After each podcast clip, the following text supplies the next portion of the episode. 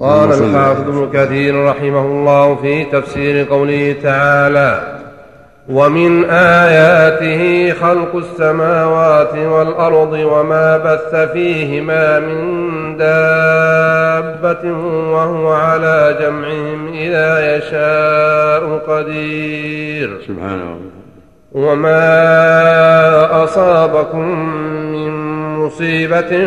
فبما كسبت أيديكم ويعفو عن كثير وما أنتم بمعجزين في الأرض وما لكم من دون الله من ولي ولا نصير سبحانه لا إله إلا هو يقول تعالى ومن آياته الدالة على عظمته وقدرته العظيمة وسلطانه القاهر خلق السماوات والأرض وما خلق بث خلق, خلق السماوات والأرض وما بث فيهما أي ذرأ فيها أي في السماوات والأرض من دابة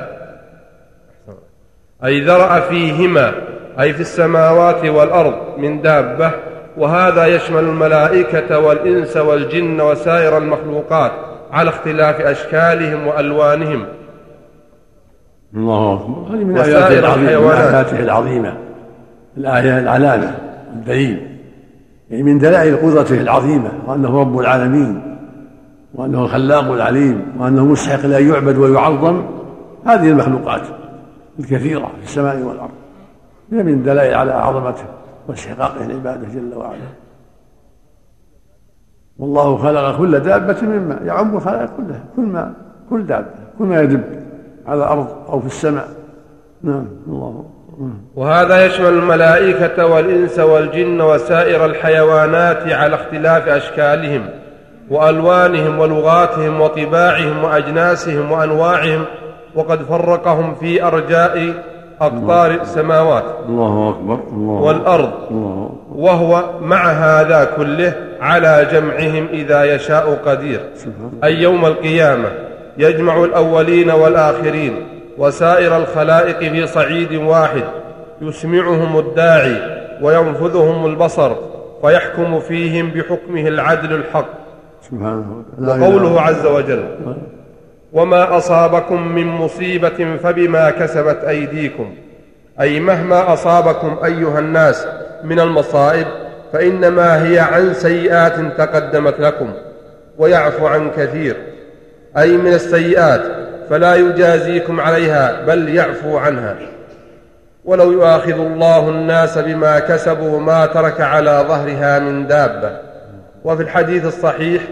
والذي نفسي بيده ما يصيب المؤمن من المؤمن من نصب ولا وصب ولا هم ولا حزن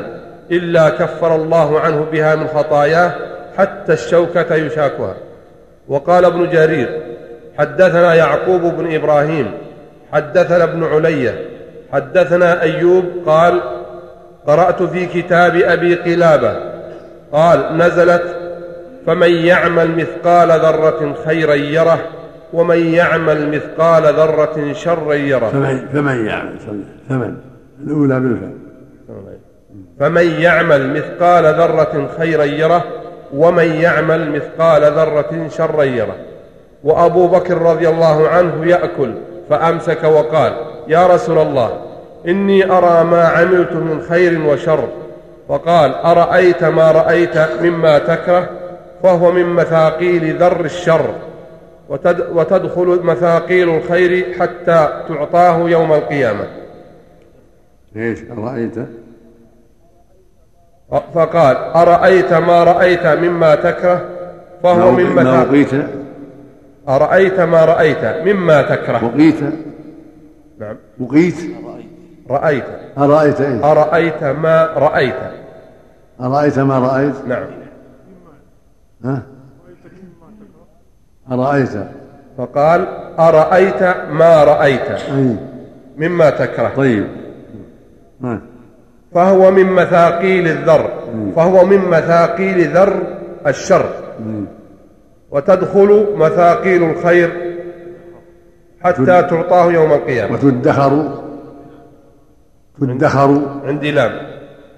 عندي باللام وتدخل أو تدخر تدخر شنكم مرة باللام مرة أنه نعم مرة والصواب الصواب تدخر الله وتدخر مثاقيل الخير حتى تعطاه يوم القيامة قال قال أبو إدريس فاني ارى مصداقها في كتاب الله تعالى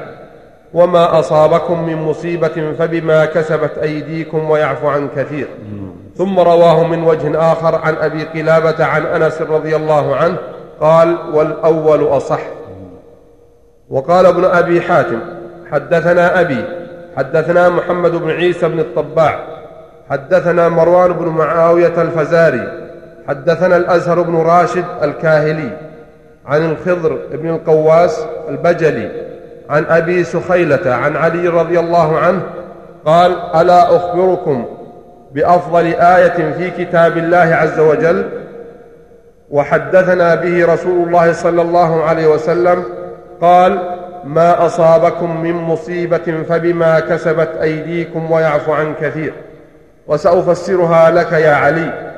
ما أصابكم من مرض أو عقوبة أو بلاء في الدنيا فبما كسبت أيديكم والله تعالى أحلم من أن يثني عليه العقوبة في الآخرة أو يثني يثني نعم أن يثني عليه العقوبة في الآخرة وما عفى الله عنه في الدنيا فالله تعالى أكرم من أن يعود بعد عفوه وكذا رواه الإمام أحمد عن مروان بن معاوية وعبدة عن أبي سخيلة قال قال علي عن ابي طفيله طفيله سخيله سخيله نعم قال علي رضي الله عنه فذكر نحوه مرفوعا في السند الاول حدثنا من ابي حاتم حدثنا ابي حدثنا محمد بن عيسى بن الطباع حدثنا مروان بن ابن معاويه الفزاري حدثنا الازهر بن راشد الكاهلي الازهر الازهر الأزهر ابن راشد الكاهلي عن الخضر بن القواس البجلي عن أبي سخيلة عن علي رضي الله عنه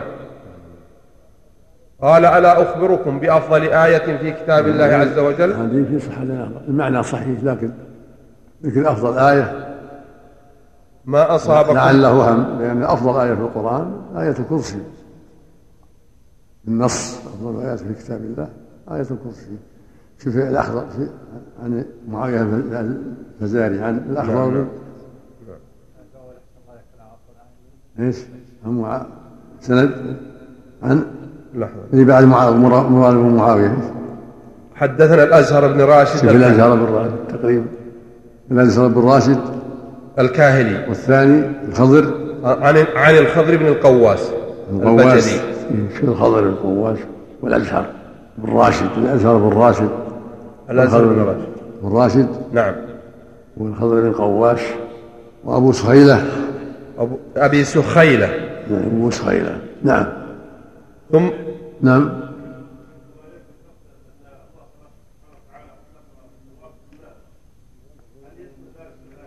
الملائكة خلقوا من النور مستثنى خلقت الملائكة من النور نعم نعم ثم روى ابن أبي حاتم نحوه من وجه آخر موقوفا فقال حدثنا أبي حدثنا منصور بن أبي مزاحم حدثنا أبو سعيد بن أبي الوضاح عن أبي الحسن عن أبي جحيفة قال دخلت على علي بن أبي طالب رضي الله عنه فقال ألا أحدثكم بحديث ينبغي لكل مؤمن أن يعيه أن يعيه قال فسألناه فتلا هذه الآية وما أصابكم من مصيبة فبما كسبت أيديكم ويعفو عن كثير استغفر الله استغفر الله قال ما عاقب الله تعالى به في الدنيا فالله أحلم من أن يثني عليه العقوبة يوم القيامة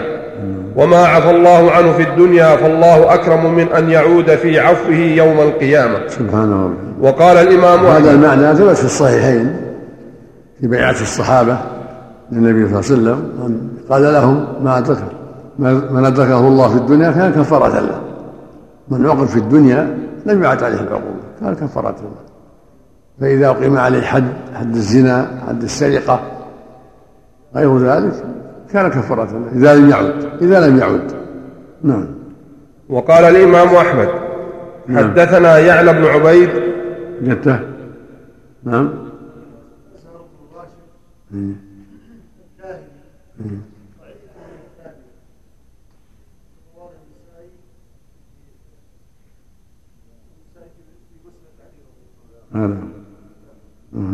الآخر خضر خضر بن بن القواس بن القواس وأبو سخيعة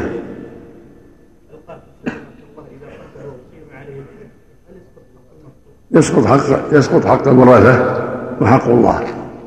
يبقى حق قتيل يرضيه الله إلا يوم القيامة يرضيه الله عنه إذا كانت التوبة صادقة لأن الله قال جل وعلا وتوبوا الى الله ايها لعلكم تفلحون من تاب افلح الحديث الصحيح التائب من الذنب كمن لا ذنب له لا اذا تاب لا اذا اقيم القصاص سقط حق الله قصاص او حد يقول صلى الله عليه وسلم ما ادرك ما ما ادركه الله في الدنيا كان كفاره له حديث عباده نعم يبقى حق قتيل يرضيه الله اذا كان قتيل نعم نعم خضر بن القواس ايضا النسائي في ايوه وابو سخيله ابو سخيله هذه حط عليه اسناده ضعيف وفي مسنده نكاره لان افضل ايه في كتاب الله هي ايه الخمس لكن لو صح ما يعول على بالنسبه للمخلوق تكفير السيئات نعم بالنسبه للعبد فيما يتعلق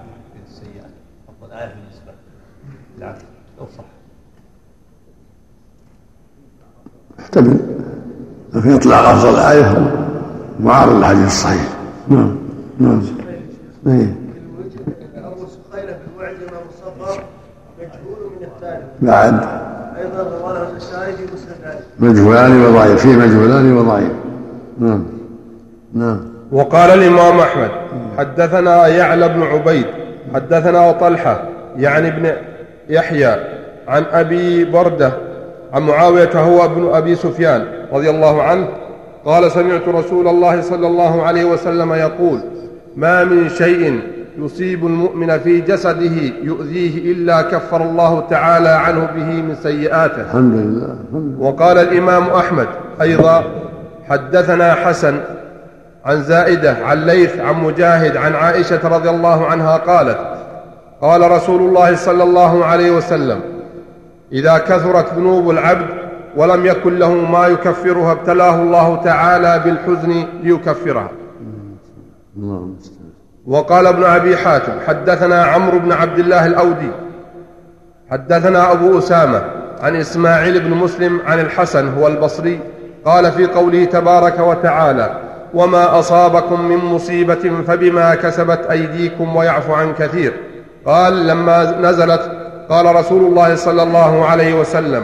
والذي نفس محمد بيده ما من خدش ما من خدش عود ولا اختلاج عرق ولا عثرة قدم إلا بذنب وما يعفو الله عنه أكثر الحمد لله وقال أيضا حدثنا أبي حدثنا عمر بن يعلى حدثنا هشيم عن منصور عن الحسن بن عمر عن حسن عن عمران بن حصين رضي الله عنه قال دخل عليه بعض أصحابه وقد كان ابتلي في جسده فقال له بعضهم إنا لنبأس لك لما إنا لنبأس لك نبحث نبأس نبحث نبأس نبأس نعم طيب نعم نحزن يعني نعم, نعم.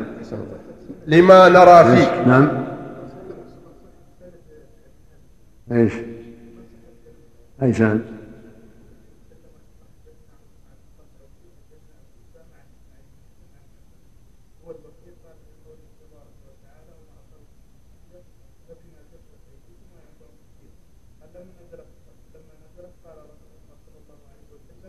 والذي نفس محمد بيده ما من خدش عود ولا اختلال عرق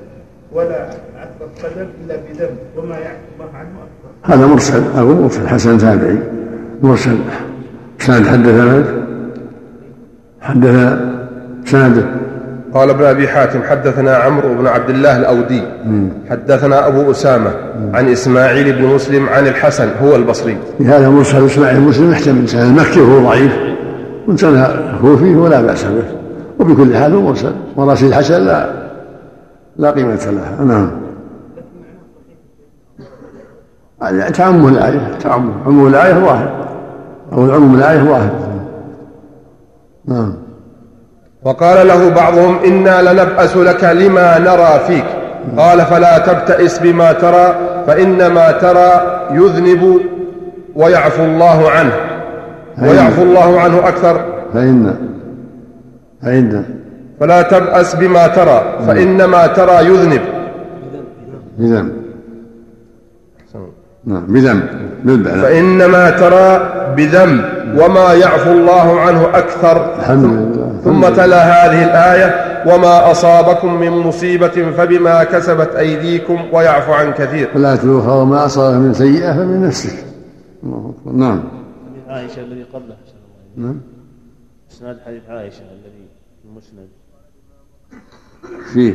وقال الإمام أحمد أيضا حدثنا حسن عن زائدة عن ليث عن مجاهد عن عائشة رضي الله عنها ضعيف طيب، هذا ليث ليث بن أبي سليم ضعيف طيب، نعم نعم نعم حسين إيه. قال الإمام أحمد حدثنا حسين عن زائدة حسن عندنا حسن حط اللي عنده حسن حط نسخة واللي عنده حسين حط نسخة حسن محتمل هذا وهذا نعم نعم نعم نعم نعم وحدثنا أبي حدثنا عن يحيى عن عائشة عن عائشة نعم عن عائشة رضي الله عنها قالت قال رسول الله صلى الله عليه وسلم إذا كثرت ذنوب العبد ولم يكن له ما يكفرها ابتلاه الله تعالى بالحزن ليكفرها نعم لأن الليث ضعيف ليث بن النبي سليم عنده ضعيف نعم لكن على كل حال الحزن من المصائب يرجى فيه ينزل على على اخيه او ابيه او مولود يموت له مثل ما قال صلى الله عليه وسلم في ابراهيم العين تدمع والقلب يحزن ولا نقول الا ما يغفر الرب فالاحزان مصائب نعم وحدثنا نعم. ابي حدثنا يحيى بن عبد الحميد الحمان او الحماني الحماني نعم. الحماني حدثنا جرير عن ابي البلاد قال قلت للعلاء بن بن بدر وما اصابكم من مصيبه فبما كسبت ايديكم وقد ذهب بصري وانا غلام قال فبذنوب والديك وحدثنا ابي حدثنا ايش وحدثنا ابي حدثنا يحيى بن عبد الحميد الحماني حدثنا جرير عن ابي البلاد عن ابي ابي البلاد بلال نعم ابي بلال لا بالدال اخره دال بلاد بلاد نعم مم. قال قلت للعلاء بن بدر وما أصابكم من مصيبة فبما كسبت أيديكم وقد ذهب بصري وأنا غلام قال فبذنوب والديك هذا غلط أقول هذا غلط لو صح ولا تزر وزرة وزر أخرى لله الحكمة فيما أصاب قد يكون كسبت يده شيئا وإن لم يكن ذنبا قد يكون فعل أشياء سببت العمى أو يكون عموم وهذا خاص يعني في العموم في الأغلب والعموم ما كسبت يد الإنسان قد يكون الكسب ليس بذنب يكون كسب ليس بذنب قد مثلا يلطم نفسه شيء أو يفعل شيء ليس بذنب يكون سبب يترتب عليه ما يضره من أكلة أو طمرة أو من صعود أو نزول نعم. وحدثنا أبي حدثنا علي بن محمد الطنافسي حدثنا وكيع عن عبد العزيز بن أبي داود عن الضحاك قال والعجب من المؤلف كيف يسكت على هذا رحمه الله نعم المستعان نعم قال ما نعلم أحدا حفظ القرآن ثم نسيه إلا بذنب ثم قرأ الضحاك وما أصابكم من مصيبة فبما كسبت أيديكم ويعفو عن كثير المصائب قد تكون ذنوب وقد تكون غير الذنوب قد تكون مصائب غير الذنوب وقد تكون ذنوب نعم نعم عندنا عن عبد العزيز بن أبي راود عبد العزيز بن رواد صلح عنده بن أبي رواد نعم عبد العزيز بن أبي داود لا رواد من أبي رواد بالراء ثم يقول الضحاك وأي مصيبة أعظم من نسيان القرآن مم. نعم. ومن آياته الجوار في البحر كالأعلام قال الحافظ ابن كثير رحمه الله في تفسير قوله تعالى ومن آياته الجوار في البحر كالأعلام إن يشأ يسكن الريح فيظللن رواكد على ظهره إن في ذلك لآيات لكل صبار شكور أو يوبقن بما كسبوا ويعفو عن كثير ويعلم الذين يجادلون في آياتنا ما لهم من محيص يقول تعالى ومن آياته الدالة على قدرته الباهرة وسلطانه تسخيره البحر لتجري فيه الفلك لتجري فيه الفلك بأمره وهي الجواري في البحر كالأعلام أي كالجبال قاله مجاهد والحسن والسدي والضحاك أي هذه في البحر كالجبال في البر إن يشأ يسكن الريح أي التي تسير التي تسير في البحر بالسفن لو شاء لسكنها حتى لا تتحرك السفن بل تبقى راكدة لا تجيء ولا تذهب بل واقفة على ظهره أي على وجه الماء إن في ذلك لآيات لكل صبار هذا من لطفه جل وعلا تسهيله السفن المحمله بالمتاع والاشياء الكثيره تسير على ظهر الماء بما يسر الله من الرياح رحمه من الله لعباده تيسيرا عليهم ولو القيت حجرا او صندوقا يسيرا لها, لها لا سقط وهذه السفن تجري على ظهره ثم جاءت هذه البواخر العظيمه التي لا تحتاج الى الرياح بل فيها من الآلات والمكاين والأشياء التي تسيرها ما يسر الله لأهلها ذلك وهكذا سفينة نوح أجراها على البحار سفينة بدائية جعل سخرها الله للعباد حتى أنجى الله على نوحا ومن معه سفينة عظيمة جرت على ظهر الماء وأنقذ الله بها المؤمنين من من الغرق كله من فضله سبحانه من آياته العظيمة من آياته دلائل قدرته ودلائل أنه رب العالمين ودلائل أنه مستحق العبادة هذه الجوارح في البحر فلا كالجبال في البحر ما بين سفينة وباخرة ولنشات وأنواع كثيرة الآن جدت كلها تطفح على هذا البحر بما يسر الله لأهلها من العلوم خبرة حتى سارت في البحار بتعليم الله وتسخيره وإنساه وتيسيره حتى يستفيد من وراء البحار من البلدان الأخرى تنقل هذه البضائع من إقليم إلى إقليم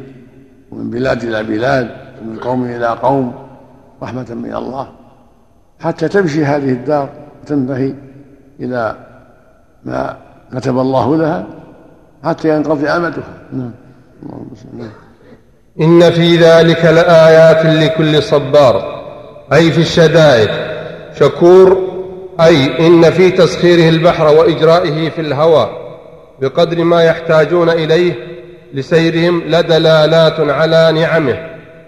على نعمه تعالى على خلقه لكل صبار أي, أي في الشدائد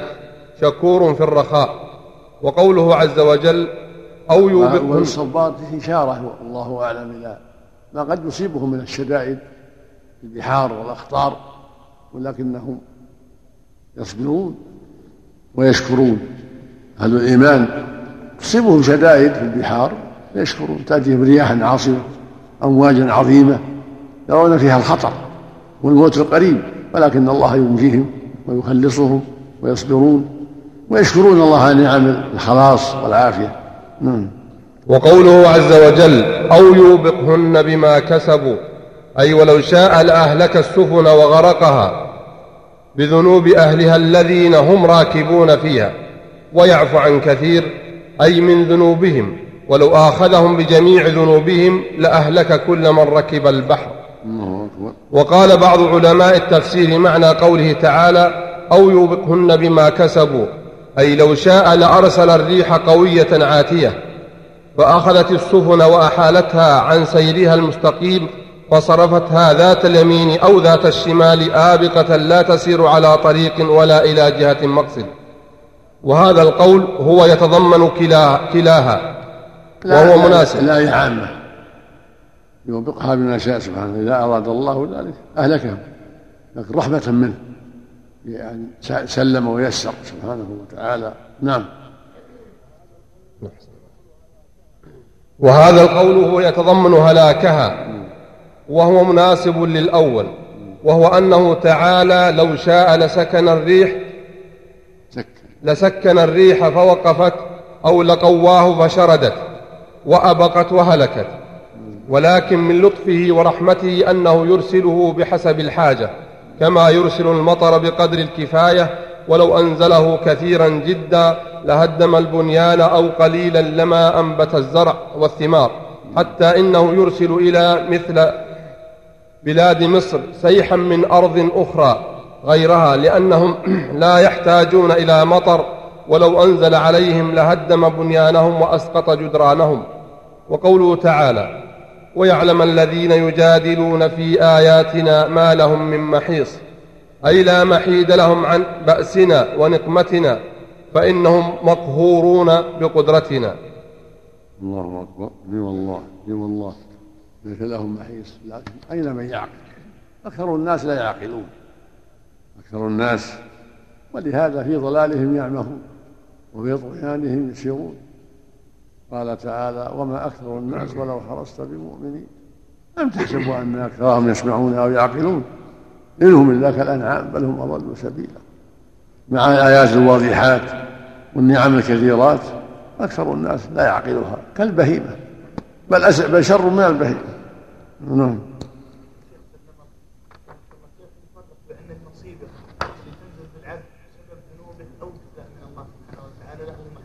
يحملها يحملها على الذنوب حتى يتواضع ويجاهد نفسه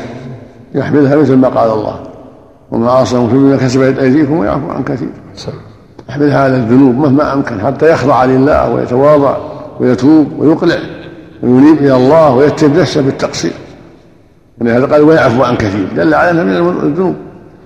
نعم الله نعم ويعلم نعم العطف على ايش؟ ويعلم ومن آياته أي يسير الواو معنى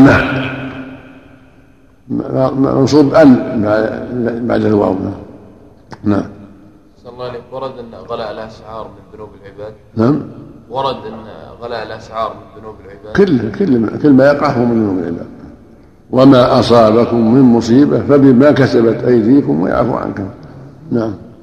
نعم فما أوتيتم من شيء فمتاع الحياة الدنيا وما عند الله خير وأبقى للذين آمنوا وعلى ربهم يتوكلون والذين يجتنبون كبائر الإثم والفواحش وإذا ما غضبوا هم يغفرون والذين استجابوا لربهم واقاموا الصلاه وامرهم شورى بينهم ومما رزقناهم ينفقون والذين اذا اصابهم البغي هم ينتصرون يقول تعالى محقرا لشان الحياه الدنيا وزينتها وما فيها من الزهره والنعيم الفاني بقوله تعالى فما أوتيتم من شيء فمتاع الحياة الدنيا أي مهما حصلتم, وجمع حصلتم وجمعتم فلا تغتروا به فإنما هو متاع الحياة الدنيا وهي دار دنيئة فانية زائلة لا محالة وما عند الله خير وأبقى أي وثواب الله تعالى خير من الدنيا وهو باق سرمدي فلا تقدموا الفاني على الباقي ولهذا قال تعالى للذين آمنوا أي للذين صبروا على ترك الملاذ في الدنيا لهذا إذا غمس أهل النار في النار غمسة قيل ماذا له هل مر بك نعيم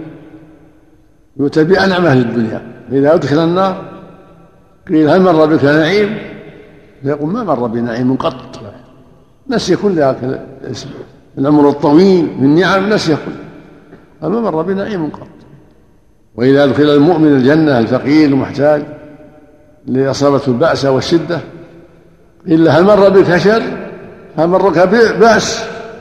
يقول لا ما مر بشيء نسي الشدة التي أصابته كلها والحاجات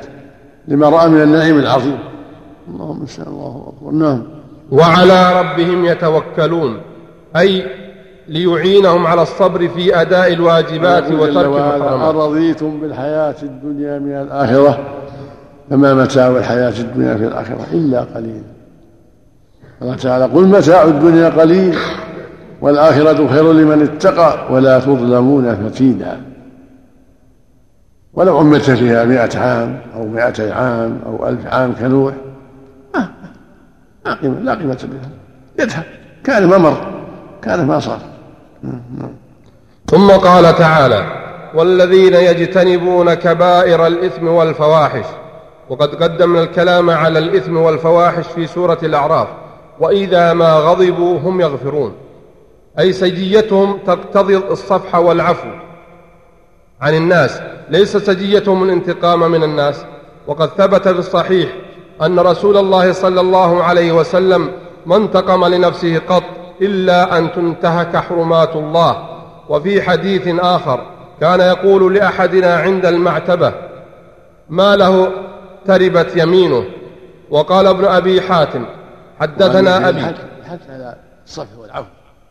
وإذا ما غضبوا هم يغفرون يحقوا أنفسهم كما قال جل وعلا وأن تعفوا أقرب للتقوى فمن عفا وأصلح فأجره على الله قال صلى الله عليه وسلم ما زال الله زاد الله عبدا بعفو إلى عزة مع زوجته مع أولاده مع جيرانه حقوق تتعلق بنفسه من طبيعته سمح والعفو والصلح أما في حق الله لا ينتقم لله ويغضب لله كان صلى الله عليه وسلم لا يغضب لنفسه ولكن إذا ترك محارم الله غضب لله وانتقم لله عليه الصلاة والسلام نعم وقال ابن أبي حاتم الافضل في حقه ان يعفو عن حقه في الدنيا ينظر ينظر المصلحه ان راى المصلحه في العفو عفا هو افضل وان راى في العفو شطرا وشرا انتقم لكن لو عفى احسن الله اليك هل الافضل يعفو عن حقه في الدنيا والاخره ام يعفو الدنيا والاخره يطالب يعني ينوي انه ما يتنازل إذا عفى عن كل شيء من عفى ما عفى وأصغى أجره على الله ما زاد الله عبدا بعفو إلا عزة عن حقه كله في الدنيا والآخرة نعم وقال ابن أبي حاتم حدثنا أبي حدثنا ابن أبي عمر حدثنا سفيان عن زائدة عن منصور عن إبراهيم قال كان المؤمن كان المؤمنون يكرهون أن يستذلوا وكانوا إذا قدروا عفوا وقوله عز وجل والذين استجابوا لربهم أي اتبعوا رسله وأطاعوا أمره واجتنبوا زجره وأقاموا الصلاة وهي أعظم العبادات لله عز وجل وأمرهم شورى بينهم أي لا يبرم الصلاة على استجابوا من عطف الخاص على العام أعظم الاستجابة بعد التوحيد إقامة الصلاة والذين استجابوا لربهم وأقاموا الصلاة من عطف الخاص على العام نعم أي لا يبلمون أمرا حتى يتشاوروا فيه ليتساعدوا بآرائهم في مثل الحروب وما جرى مجراها كما قال تبارك وتعالى وشاورهم في الأمر الآية يعني في الأمور التي تحتاج إلى الشورى الاشتباه يتشاورون أما الأمر الواضح فإنهم لا يحتاج إلى شورى يبادرون به ويأخذون به لكن إذا جاءت أمور تحتاج إلى نظر تشاور نعم شيخ جاء في الحديث أن أن المؤمن يخرج حقه فإن أراد أن يأخذه بعد ما يخرج وإن أراد أن يتركه كيف؟ ينبغي للمسلم أن يخرج حقه ورد في الحديث الظاهر في البخاري فإن أراد أن يأخذه نراد أراد أن يدعه بعد ما يرى أن حقه قد طلع ما ما ما, ما أذكر شيء وما أذكر هذا نعم نعم ولهذا كان صلى الله عليه وسلم يشاورهم في الحروب ونحوها ليطيب بذلك قلوبهم وهكذا لما حضرت عمر بن الخطاب رضي الله عنه الوفاة حين طعن جعل الأمر بعده شورى في ستة نفر وهم عثمان وعلي وطلحة والزبير وسعد وعبد الرحمن بن عوف رضي الله عنهم فاجتمع رأي الصحابة كلهم كلهم رضي الله عنهم على تقديم عثمان فاجتمع واجتمع رأي الصحابة كلهم رضي الله عنهم على تقديم عثمان عليه, عليه عليهم رضي الله عنهم ومما رزقناهم ينفقون وذلك بالإحسان إلى خلق الله الأقرب إليهم منهم فالأقرب وقوله عز وجل والذين إذا أصابهم البغي هم ينتصرون أي فيهم قوة الانتصار ممن ظلمهم واعتدى عليهم ليسوا بالعاجزين ولا الأذلين بل يقدرون على الانتقام ممن بغى عليهم وإن كانوا مع هذا إذا قدروا عفوا كما قال يوسف عليه الصلاة والسلام لإخوته لا تثريب عليكم اليوم يغفر الله لكم مع قدرته على مؤاخذتهم ومقابلتهم على صنيعهم إليه وكما عفى رسول الله صلى الله عليه وسلم عن أولئك النفر الثمانين الذين قصدوه عام الحديبية ونزلوا من جبل التنعيم فلما قدر عليهم من عليهم مع قدرته على الانتقام وكذلك عفوه صلى الله عليه وسلم عن غورث بن الحارث الذي أراد الفتك به حين اخترط سيفه وهو نائم فاستيقظ صلى الله عليه وسلم وهو في يده مصلتا فانتهره فوضعه من يده واخذ رسول الله صلى الله عليه وسلم السيف في يده ودعا اصحابه ثم اعلمهم بما كان من امره وامر هذا الرجل وعفى عنه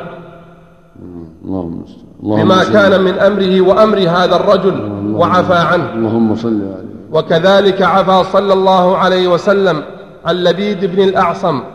الذي سحره عليه الصلاة والسلام ومع هذا لم يعرض له ولا عاتبه مع قدرته عليه وكذلك عفوه صلى الله عليه وسلم عن المرأة اليهودية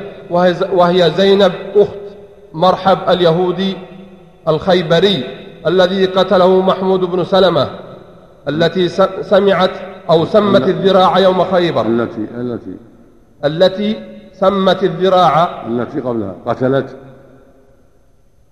الذي قتله محمود ليش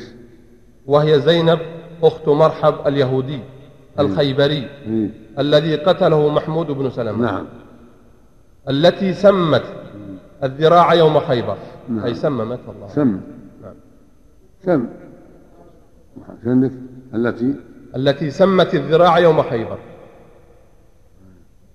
قبله يعني- وهي زينب آه، أخت مرحب اليهودي الخيبري الذي قتله محمود بن سلمة عندكم محمود ولا محمد محمد صوابه محمد نعم محمد بن سلمة رضي الله عنه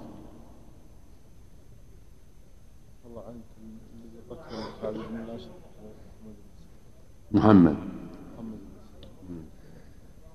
التي سمت الذراع يوم خيبر فأخبره الذراع بذلك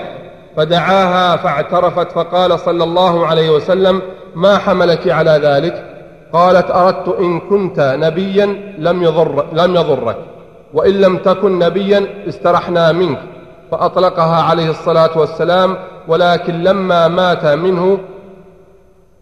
بشر بن البراء رضي الله عنه قتلها به والأحاديث والآثار في هذا كثيرة جدا والله سبحانه وتعالى أعلم اللهم نعم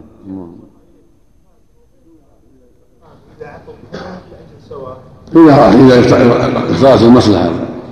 أما إذا اقتصاد المصلحة عدم العفو لحماية المسلمين أو لأسباب أخرى فلا بأس فالعفو أفضل إذا لم يكن هناك موجب لعدم العفو. يعني لا يكون كالقادر يا شيخ الله في الاجر الحاجة ما في يد الشيء عفى ولا ما عفى لكن إذا عفى له أجر مو مثل ذاك ذاك أجره أعظم يعني إذا قدر أجره أعظم نعم نعم تعليل موت النبي بهذا السن صحيح نعم تعليل موت النبي بهذا السن ما ما أتذكر الآن أقول ما يحتاج إلى تأمل نعم وجزاء سيئة سيئة مثلها نعم بارك الله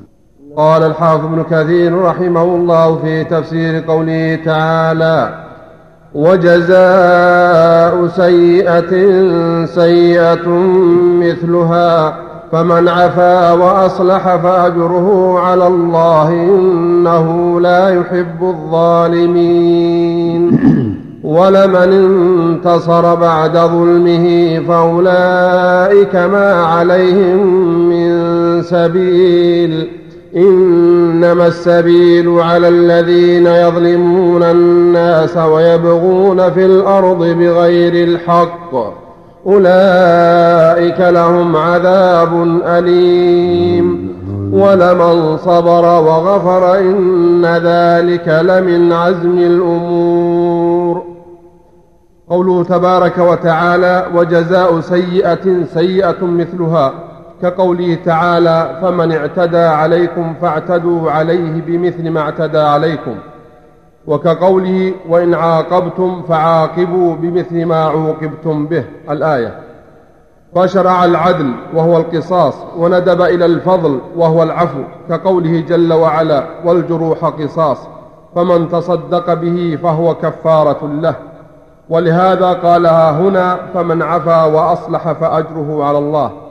أي لا يضيع, لا يضيع ذلك عند الله كما صح ذلك في الحديث وما زاد الله تعالى عبدا بعفو إلا عزا وقوله تعالى إنه لا يحب الظالمين مجانسة جزاء سيئة سيئة مثلها يعني الثاني ليس سيئات في المعنى قصاص وإن آه. عاقبتم فعاقبوا مثل ما أوتم من باب القصاص نعم وقوله تعالى إنه لا يحب الظالمين أي المعتدين نعم. وهو المبتدئ بالسيئة نعم. ثم قال جل وعلا ولمن انتصر بعد ظلمه فأولئك ما عليهم من سبيل أي ليس عليهم جناح في الانتصار ممن ظلمهم قال ابن جرير حدثنا محمد بن عبد الله بن بزيع حدثنا معاذ بن معاذ حدثنا ابن عون قال كنت أسأل عن الانتصار في قوله تعالى ولمن انتصر بعد ظلمه فأولئك ما عليهم من سبيل فحدثني علي بن زيد بن جدعان عن أم محمد امرأة أبيه قال ابن عون زعموا أنها كانت تدخل على أم المؤمنين عائشة رضي الله عنها قالت قالت أم المؤمنين رضي الله عنها دخل علينا رسول الله صلى الله عليه وسلم وعندنا زينب بنت جحش رضي الله عنها فجعل النبي صلى الله عليه وسلم يصنع بيده شيئا فلم, يفت فلم يفطن لها فقلت بيده حتى فطنت لها حتى فطنته لها فأمسك ايش انا فقلت أو فقلت كلمة دخل النبي نعم دخل علينا رسول الله صلى الله عليه وسلم وعندنا زينب بنت جحش رضي الله عنها فجعل النبي صلى الله عليه وسلم يصنع بيده شيئا فلم يفطن لها يفطن لها فلم يفطن لها لها فقلت بيده حتى فطنته لها فأمسك وأقبل كان في مد يده إلى عائشة ما درى عن زينب نعم نعم وأقبلت زينب رضي الله عنها تفحم تفحم لعائشة رضي الله عنها فنهاها فأبت أن تنتهي فقال لعائشة رضي الله عنها سبيها فسبتها فغلبتها يعني انتصري يعني انتصري نعم وانطلقت زينب رضي الله عنها فأتت عليا رضي الله عنه فقالت إن عائشة تقع بكم وتفعل بكم فجاءت فاطمة رضي الله عنها فقال رسول الله صلى الله عليه وسلم لها إنها حبة أبيك ورب الكعبة نعم. فانصرفت وقالت لعلي رضي الله عنه إني قلت له صلى الله عليه وسلم كذا وكذا فقال لي كذا وكذا قال وجاء علي إلى النبي صلى الله عليه وسلم وكلمه في ذلك هكذا أورد هذا السياق وعلي بن زيد بن جدعان يأتي في روايات في يأتي في رواياته بالمنكرات غالبا وهذا فيه نكارة ولهذا حكم عليه أهل العلم بالضعف روايته غير معتبرة بضعفه إلا الترمذي كان يحسن رواياته والجمهور على تضعيفه نعم وهذا من منكراتها نعم والصحيح فإن عائشة رضي الله عنها لا تقع فيهم ولا تقع فيهم إلا خيرا ولكن الغيرة بين بين الضرات معروفة الغيرة بين زينب وبين عائشة وبين بقية النساء معروفة المرات لهن غيرة معروفة والنبي صلى الله عليه وسلم قد عرف ذلك أيضا قد هجرهن شهرا عليه الصلاة والسلام المقصود أن الغيرة معروفة فالواجب على المؤمن حسن الظن بهن والتراضي عنه وكف عن ما ينقل من المساوي إن يزال فيها وينقص ويغلط فيها الناس نعم